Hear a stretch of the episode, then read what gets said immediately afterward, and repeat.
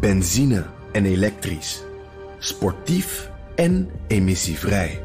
In een Audi plug-in hybride vindt u het allemaal. Ervaar de A6, Q5, Q7 en Q8 standaard met quattro vierwielaandrijving. Wat u ook zoekt, u vindt het in een Audi. Audi. Voorsprong door techniek. De column van Bernard Hammelburg. Bijna 80 jaar is Korea in een juridisch gevecht verwikkeld met Japan over compensatie voor slachtoffers uit de Tweede Wereldoorlog.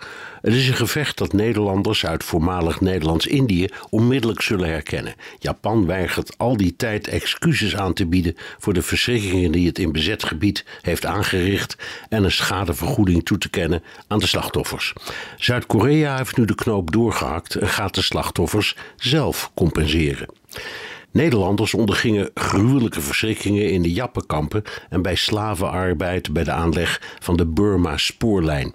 Omdat Japan consequent excuses en smartengeld weigerde, klaagde in Nederland de Stichting Japanse Ereschulden onze regering aan, die slachtoffers en nabestaanden een excuus en compensatie verschuldigd was. Dat kwam er niet, al geeft de stichting niet op. Koreanen hebben zo mogelijk nog meer geleden, omdat het schiereiland sinds 1910 door Japan was gekoloniseerd.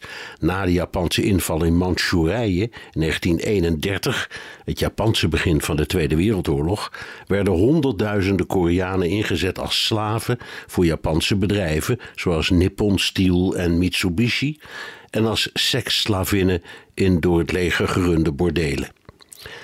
Het Zuid-Koreaanse Hoge Rechtshof veroordeelde Nippon en Mitsubishi in 2018 tot betaling van 77.000 dollar aan ieder van de toen nog 15 levende slachtoffers. Nu leven er nog drie en die hebben moeite met het aanvaarden van geld zonder excuus. Japan zegt dat het bij herhaling zijn spijt heeft betuigd en houdt het daarbij en verwijst naar de zogenoemde Japans-Zuid-Koreaanse verklaring uit 1988 zoals het tegenover Nederlandse slachtoffers altijd verwijst naar het officiële vredesverdrag uit 1958. Nu hebben de Koreanen dus besloten de overlevenden of hun nabestaanden te compenseren. Een krankzinnige regeling, want Korea had dat al meteen na de oorlog kunnen doen. Maar nog krankzinniger van Japan. Duitsland, dat na de Tweede Wereldoorlog enorme herstelbetalingen heeft gedaan en geen gelegenheid voorbij laat gaan om excuses aan te bieden, steekt schril af bij zijn toenmalige bondgenoot Japan. Duitsland, wordt vaak gezegd, is een excuussamenleving. Japan heeft een schaamtecultuur.